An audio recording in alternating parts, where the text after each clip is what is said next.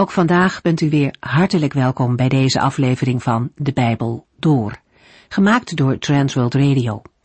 Voor meer informatie kijkt u dan op onze website transworldradio.nl. In deze serie gaat u in vijf jaar tijd met ons de Bijbel door, van Genesis 1 tot en met het laatste vers in Openbaring 22. Fijn dat u weer luistert. In het eerste hoofdstuk van Ezekiel probeert de profeet woorden te vinden om te omschrijven wat hij ziet als de hemel opengaat en hij iets te zien krijgt van de grootsheid van de Heere die het wereldgebeuren in zijn handen houdt. In hoofdstuk 2 geeft de Heere hem de opdracht om te profeteren tegen de ballingen uit Israël.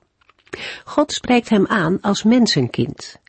En deze naam komt steeds terug in het boek en drukt uit hoe klein Ezekiel is ten opzichte van de machtige, almachtige God. Toch kiest de Heere ervoor om zijn plannen op aarde bekend te maken door middel van beperkte mensen. Ezekiel moet de Israëlieten een boodschap namens God brengen. Het is echter maar de vraag of zij zullen luisteren. Hun harten zijn zo hard geworden ten opzichte van God. En toch wil Hij hen nog eens aanspreken op hun gedrag. Ze zullen in elk geval weten dat er een profeet in hun midden is geweest.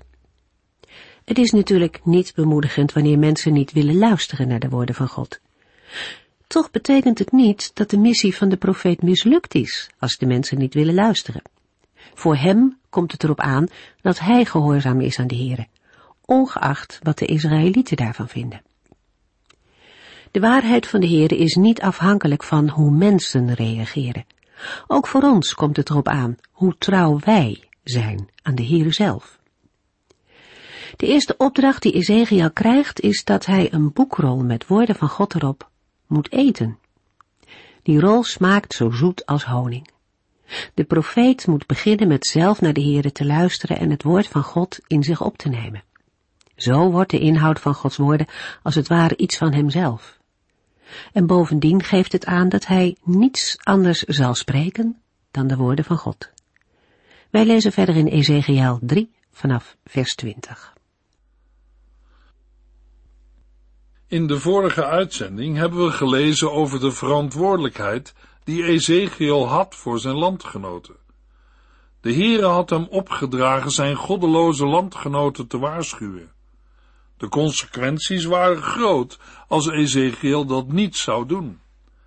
De Heere zou Ezekiel verantwoordelijk houden voor zijn Joodse landgenoten als hij hen niet waarschuwde voor de gevolgen van hun zonden. De woorden in Ezekiel 3 vers 18 tot en met 21 hakken er diep in ook voor ons. Staan de zaken er zo voor dat de gelovigen verantwoordelijk worden gehouden voor de redding van de goddelozen? Nee, dat staat er niet en kan er ook niet in worden gelezen. Het is juist de liefde van de Heere voor mensen die zonder hem door het leven gaan en in zonde leven. De Heere wil niet dat mensen verloren gaan. Daarom wijst hij zijn boodschapper Ezekiel op zijn verantwoordelijkheid. De Heere zei tegen Ezekiel in Ezekiel 3 vers 20, Als een goed mens afdwaalt en slechte dingen gaat doen, en u weigert hem op de gevolgen daarvan te wijzen, en ik vernietig hem, zullen zijn vroegere goede daden hem niet helpen. Hij zal in zijn zonde sterven, maar ik zal u verantwoordelijk stellen voor zijn dood en u eveneens straffen. Als de Israëlieten blijven zondigen, is dat de ondergang van hun land, steden, hoofdstad Jeruzalem, de tempel en hun eigen leven. Maar als het volk zich om zou keren naar de Heere, teruggaat naar hem, dan zou de Heere hen sparen en herstellen. Dat de Heere er zo over denkt, moet Ezekiel aan zijn landgenoten verkondigen. Dat is geen vrijblijvende opdracht, waarbij de boodschapper zelf kan besluiten om het maar niet te doen. Het is een kwestie van leven of dood. Het is te vergelijken met het zien van een dreigend gevaar, maar je blijft passief op je veilige plekje toekijken en waarschuwt de mensen die gevaar lopen niet. Het past niet bij de liefde van God om zelf gered te zijn en anderen die dat niet zijn, maar in hun verlorenheid te laten voortmodderen. Zeker, wij kunnen hen niet overtuigen en ook het geloof in Jezus Christus niet geven, maar we kunnen het wel aan hen bekendmaken. In Romeinen 10, vers 14 lezen we, en als zij nooit van hem gehoord hebben, hoe kunnen zij dan in hem geloven? Als niemand hun over hem vertelt, hoe kunnen zij dan horen? Nu kan iemand zeggen, dat is niet de situatie van Ezekiel, en dat is waar. Je kunt zeggen dat het in Ezekiel gaat om mensen die het geloof van thuis hebben meegekregen, maar er zich niets aan gelegen laten liggen. Oké, maar dat verandert niets aan de verantwoordelijkheid van Ezekiel om hen te waarschuwen. De Heer gaat echt doen wat hij heeft gezegd. Dat geldt niet alleen voor het positieve, maar ook voor het negatieve. De consequenties van het niet naar hem luisteren en niet doen wat hij heeft geboden. Ezekiel 3 vers 21 Maar als u hem wel waarschuwt en hij bekeert zich, dan zal hij blijven leven, omdat hij zich de waarschuwing aantrok. En dan hebt u ook uw eigen leven gered. Binnen de aanstelling als wachter over Israël is het niet vreemd dat Ezekiel zijn mede-Israëlieten moest waarschuwen. Voor Ezekiel was het een zaak van gehoorzaamheid, doen wat de Heer hem had opgedragen. Een soldaat die op wacht in slaap valt, is een gevaar voor zichzelf, maar ook voor de andere soldaten. In het Romeinse leger stond op het in slaap vallen als je op wacht stond de doodstraf. Kortom, een wachter die niet waarschuwt voor het aankomend gevaar, verzaakt zijn taak en opdracht. Ezekiel 3 vers 22 Opnieuw werd ik gegrepen door het besef van Gods tegenwoordigheid. Toen hij tegen mij zei, ga naar het dal, dan zal ik met u spreken, stond ik op en ging. Waarschijnlijk in een dicht bij Tel Abib gelegen dal ziet Ezekiel in een tweede visioen opnieuw de heerlijkheid van de Heere. De heerlijkheid van God, die Ezekiel in hoofdstuk 1 zag komen, was nu al in het dal aanwezig toen de profeet in het dal kwam. Ezekiel 3 vers 23 daar zag ik de heerlijkheid van de Heer opnieuw, net als in mijn eerste visioen. Met mijn gezicht naar beneden liet ik mij op de grond vallen. Ezekiel erkent zijn hulpeloosheid tegenover de Heere en laat zich met zijn gezicht naar beneden op de grond vallen. Het zet de mens even stil bij zijn of haar eigen hulpeloosheid tegenover de Almachtige God blijf ik op mijn voeten staan bij de manifestatie van Zijn heiligheid, macht en heerlijkheid? Soms kan onze welvaart, populariteit of lichamelijke kracht ons blind maken voor onze geestelijke hulpeloosheid. Wij mensen kunnen vaak zo prat gaan op wat wij allemaal kunnen. De wetenschap staat voor niets, roepen we luid. Maar de problemen in onze wereld worden steeds groter. Veel van onze zekerheden blijken lang niet zo zeker te zijn.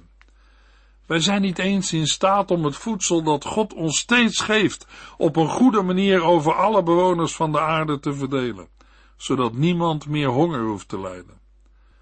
Maar er is niets van wat wij mensen op eigen kracht doen dat veel voor God betekent. Alleen als wij mensen gaan doen wat de Heere heeft geboden, als Hij het in ons leven voor het zeggen heeft, kunnen we grote taken voor Hem vervullen. De eerste stap om iemand te worden die voor de Heere leeft, is toegeven dat wij, u, jij en ik, Zijn hulp nodig hebben. Ezekiel ligt met zijn gezicht op de grond. Bij de openbaring van Gods heerlijkheid kan hij niet op zijn voeten blijven staan. Ezekiel 3 vers 24 tot en met 27. Toen kwam de geest in mij en kon ik weer rechtop staan. Hij sprak tegen mij en zei, ga en sluit u zelf op in uw huis. Daar zal men u vastbinden, zodat u niet weg kunt, en ik zal uw tong aan uw gehemelte laten kleven. Zodat u niet tot het volk kunt spreken, want het zijn opstandige mensen. Elke keer als ik u een boodschap geef, zal ik uw tong losmaken, zodat u kunt spreken. En dan zult u tegen hen zeggen, de oppermachtige Heere zegt, laat iedereen luisteren die wil luisteren, en wie dat niet wil, moet het maar laten, want het is een opstandig volk. We zien hier hetzelfde gebeuren als in Ezekiel 2, vers 1 en 2. Ezekiel komt door de geest van God weer overeind en kan weer op zijn voeten staan. Waarschijnlijk ligt tussen de versen 16 tot en met 21 en de versen 22 tot en met 27 een korte periode, waarin Ezekiel zijn taak als wachter over Israël heeft uitgevoerd. Maar zijn waarschuwingen zijn op het stugge voorhoofd en het harde hart van de Joodse ballingen afgestuit, zoals de Heere had voorzegd. De gevolgen voor Ezekiel worden nu in vers 25 beschreven. De Heere zelf zal het Ezekiel onmogelijk maken te spreken. Daarmee laat de Heere zien dat hij zijn waarschuwingen tot een hardnekkig en afdwalend volk tijdelijk inhoudt. Het zwijgen van de profeet is niet definitief. Er zal een tijd komen waarop de Heere zijn mond zal openen en hem zal opdragen in zijn naam te spreken. Alleen, de Heere bepaalt dat moment. Met de woorden de oppermachtige Heere zegt wordt duidelijk, net als in Ezekiel 2 vers 4, dat het niet een boodschap van Ezekiel is, maar van de Heere. De slotwoorden van Ezekiel 3 maken duidelijk dat iedereen wordt opgeroepen te luisteren, maar niet alle Israëlieten dat zullen doen. Ze zijn zelf verantwoordelijk voor die keuze, maar Ezekiel moet zijn taak en opdracht als wachter over Israël gehoorzaam uitvoeren. Ezekiel 4 vers 1 en 2 Welnu, mensenzoon, neem een kleitablet Leg die voor u neer en teken er een platte grond van Jeruzalem op. Maak een tekening van belegeringswallen die tegen de muur worden gebouwd, vijandelijke kampen eromheen en overal rond de muren stormrammen. Uit het vorige hoofdstuk weten wij dat Ezekiel alleen kan spreken als de Heere dat mogelijk maakt. Maar dat betekent niet dat Ezekiel niet op een andere manier profetisch kan getuigen. In Ezekiel 4 en 5 worden een viertal symbolische handelingen beschreven, waarmee de profeet een aantal dingen duidelijk wil maken. De eerste symbolische handeling, beschreven in Ezekiel 4 vers 1 tot en met 3, heeft betrekking op de belegering van Jeruzalem. De tweede wordt beschreven in Ezekiel 4 vers 4 tot en met 8, waarin de profeet symbolisch de zonde en schuld van Israël en Juda tekent. De derde symbolische handeling, beschreven in Ezekiel 4, vers 9 tot en met 17, spreekt van komende hongersnood. In Ezekiel 5, vers 1 tot en met 4 lezen we de vierde symbolische handeling, en die stelt de vernietiging van het volk voor. In Ezekiel 5, vers 5 tot en met 17 wordt aan Ezekiel de verklaring van die symbolische handelingen gegeven, en die moet hij aan het volk verkondigen. Ezekiel krijgt opdracht van de Heer om op een kleitablet een plattegrond van de belegering van Jeruzalem te tekenen. Dat moet hij doen voordat de belegering en de val van Jeruzalem werkelijkheid werden. De Babyloniërs gebruikten kleitabletten om op te schrijven. Er zijn veel beschreven kleitabletten bij opgravingen gevonden. De kleitabletten waren vierkant en waren ongeveer 30 bij 30 centimeter.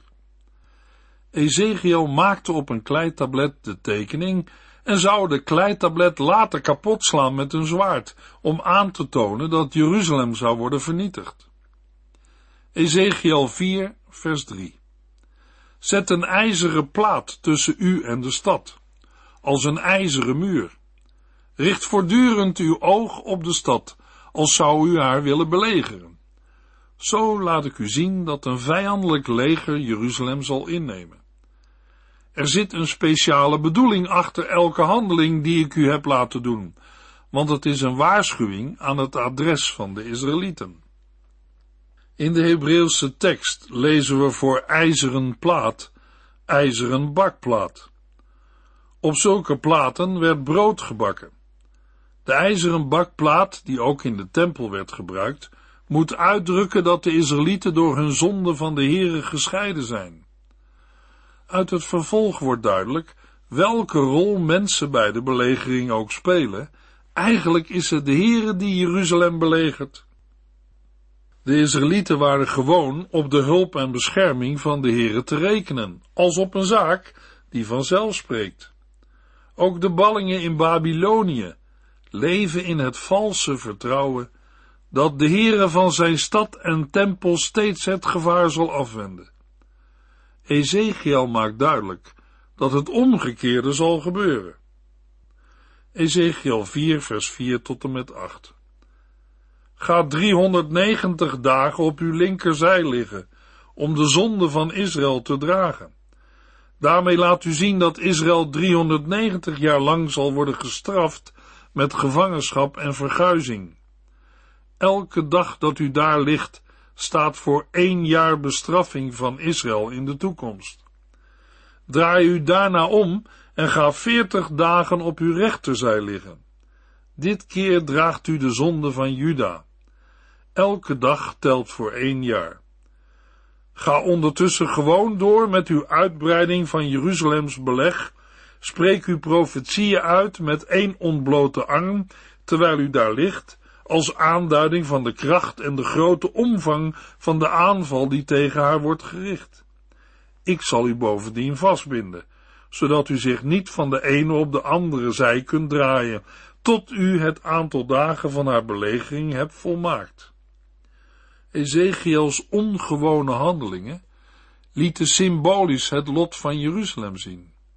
Hij mocht zich niet bewegen, als teken dat de inwoners van Jeruzalem gevangen zouden zijn binnen de muren van de stad.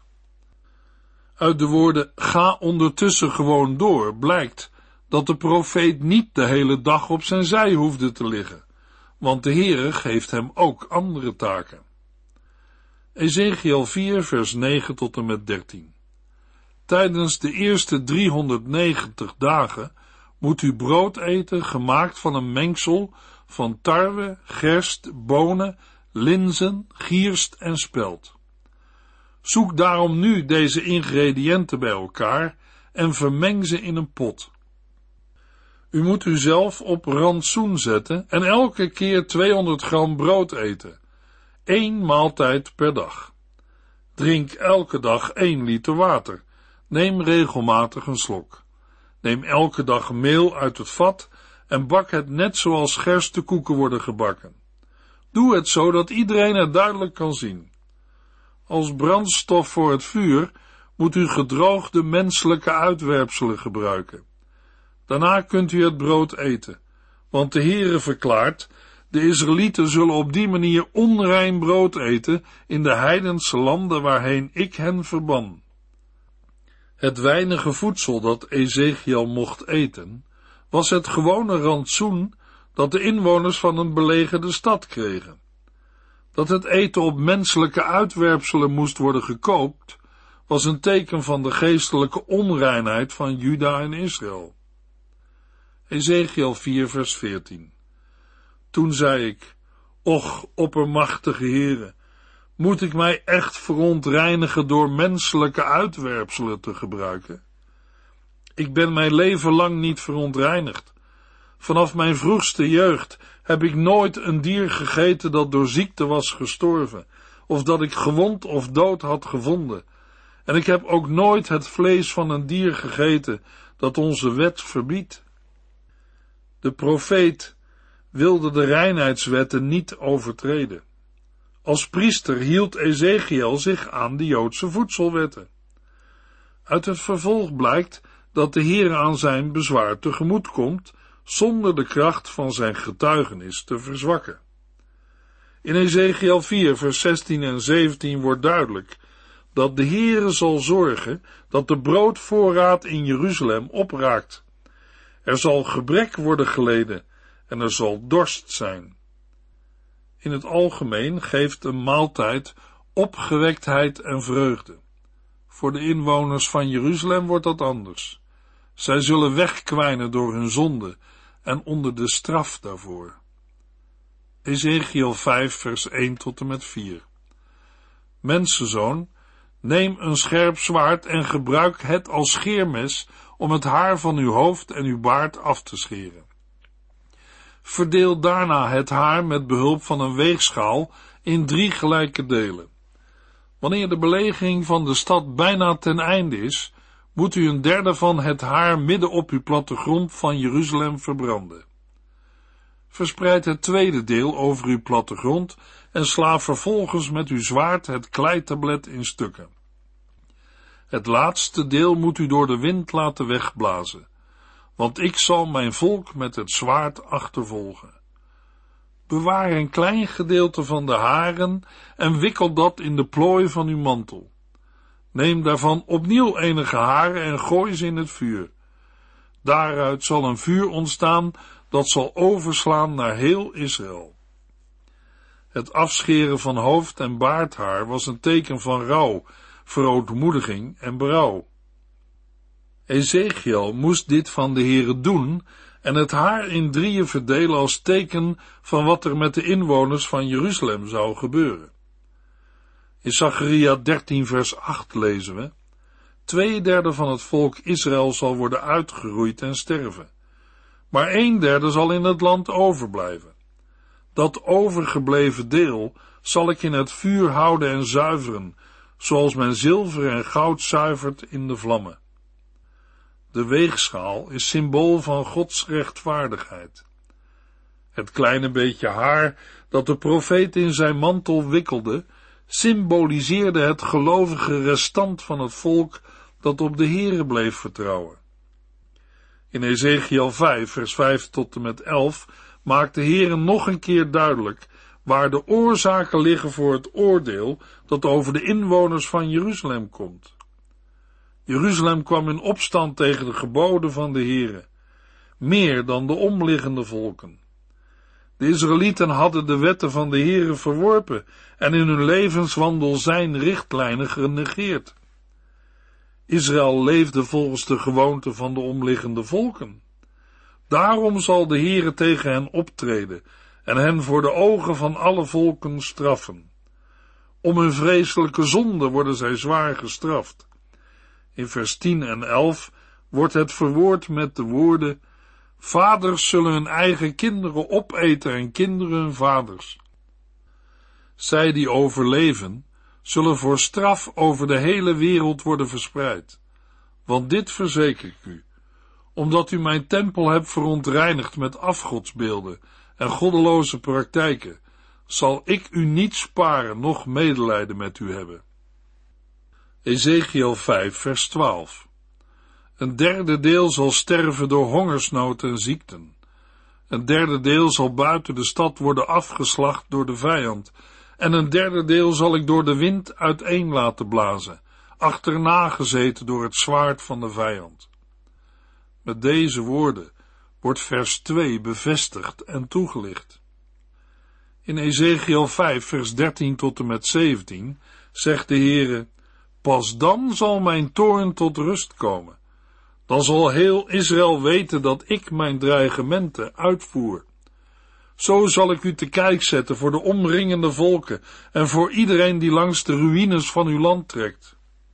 De wereld zal u uitlachen en u zult een afschrikwekkend voorbeeld zijn van wat gebeurt als de Heere zijn vreselijke straf op een heel volk laat neerkomen.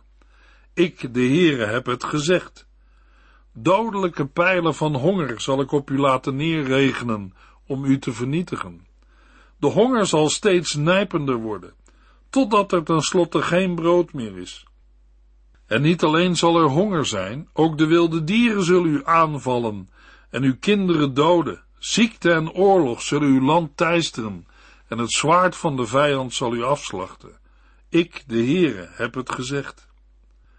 De Heere zou de Israëlieten gaan straffen voor hun schaamteloze zonden.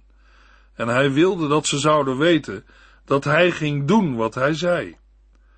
Het volk Israël heeft aan de lijve ondervonden dat God zich altijd aan zijn woord houdt. Zo zal ik u te kijk zetten, voor de omringende volken en voor iedereen die langs de ruïnes van uw land trekt. Israël zal in de ogen van de volken een voorwerp van spot en hoon zijn, als Jeruzalem en de tempel tot een zwart geblakerde puinhoop zijn geworden.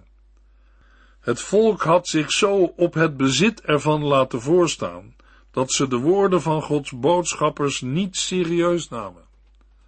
In Jesaja 55 vers 10 en 11 lezen we over het woord van God.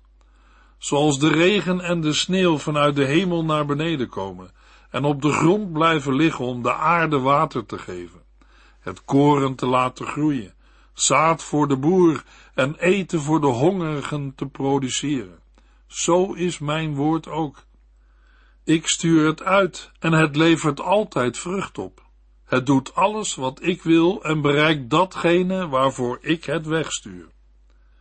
Bij deze dingen gaat het niet alleen om de zegeningen die de Heer heeft beloofd, maar ook om de sancties die hij heeft gesteld bij overtreding. Veel mensen gaan voorbij aan Gods waarschuwingen en zien zijn woorden als loze dreigementen. Maar de Heere meent en doet wat hij zegt. In nummer 23 vers 19 lezen we, God is geen man dat hij zou liegen. Hij verandert niet van gedachten zoals mensen doen. Heeft hij ooit iets beloofd zonder zijn belofte na te komen? Het antwoord op die vraag is nee. Daarom is Gods woord voor mij, naar Psalm 119, vers 105. Uw woord is een stralend licht dat mij de weg door het leven wijst. In de volgende uitzending lezen we Ezekiel 5, vers 17 tot en met 7, vers 2. U heeft geluisterd naar De Bijbel Door, in het Nederlands vertaald en bewerkt door Transworld Radio. Een programma waarin we in vijf jaar tijd de hele Bijbel doorgaan. Als u wilt reageren op deze uitzending of u heeft vragen, dan kunt u contact met ons opnemen. Tijdens kantooruren kunt u bellen op 0342 478432. 0342 478432. Ook kunt u een e-mail sturen naar de Bijbel door at transworldradio.nl en natuurlijk kunt u ook via de post ons bereiken. TWR, postbus 371, postcode 3770, AJ in Barneveld. Dit programma werd gepresenteerd door Cor Weda en Ike André. Techniek was in handen van Odin van Voerkom. En wij allemaal bedanken u voor het luisteren. Graag tot de volgende keer.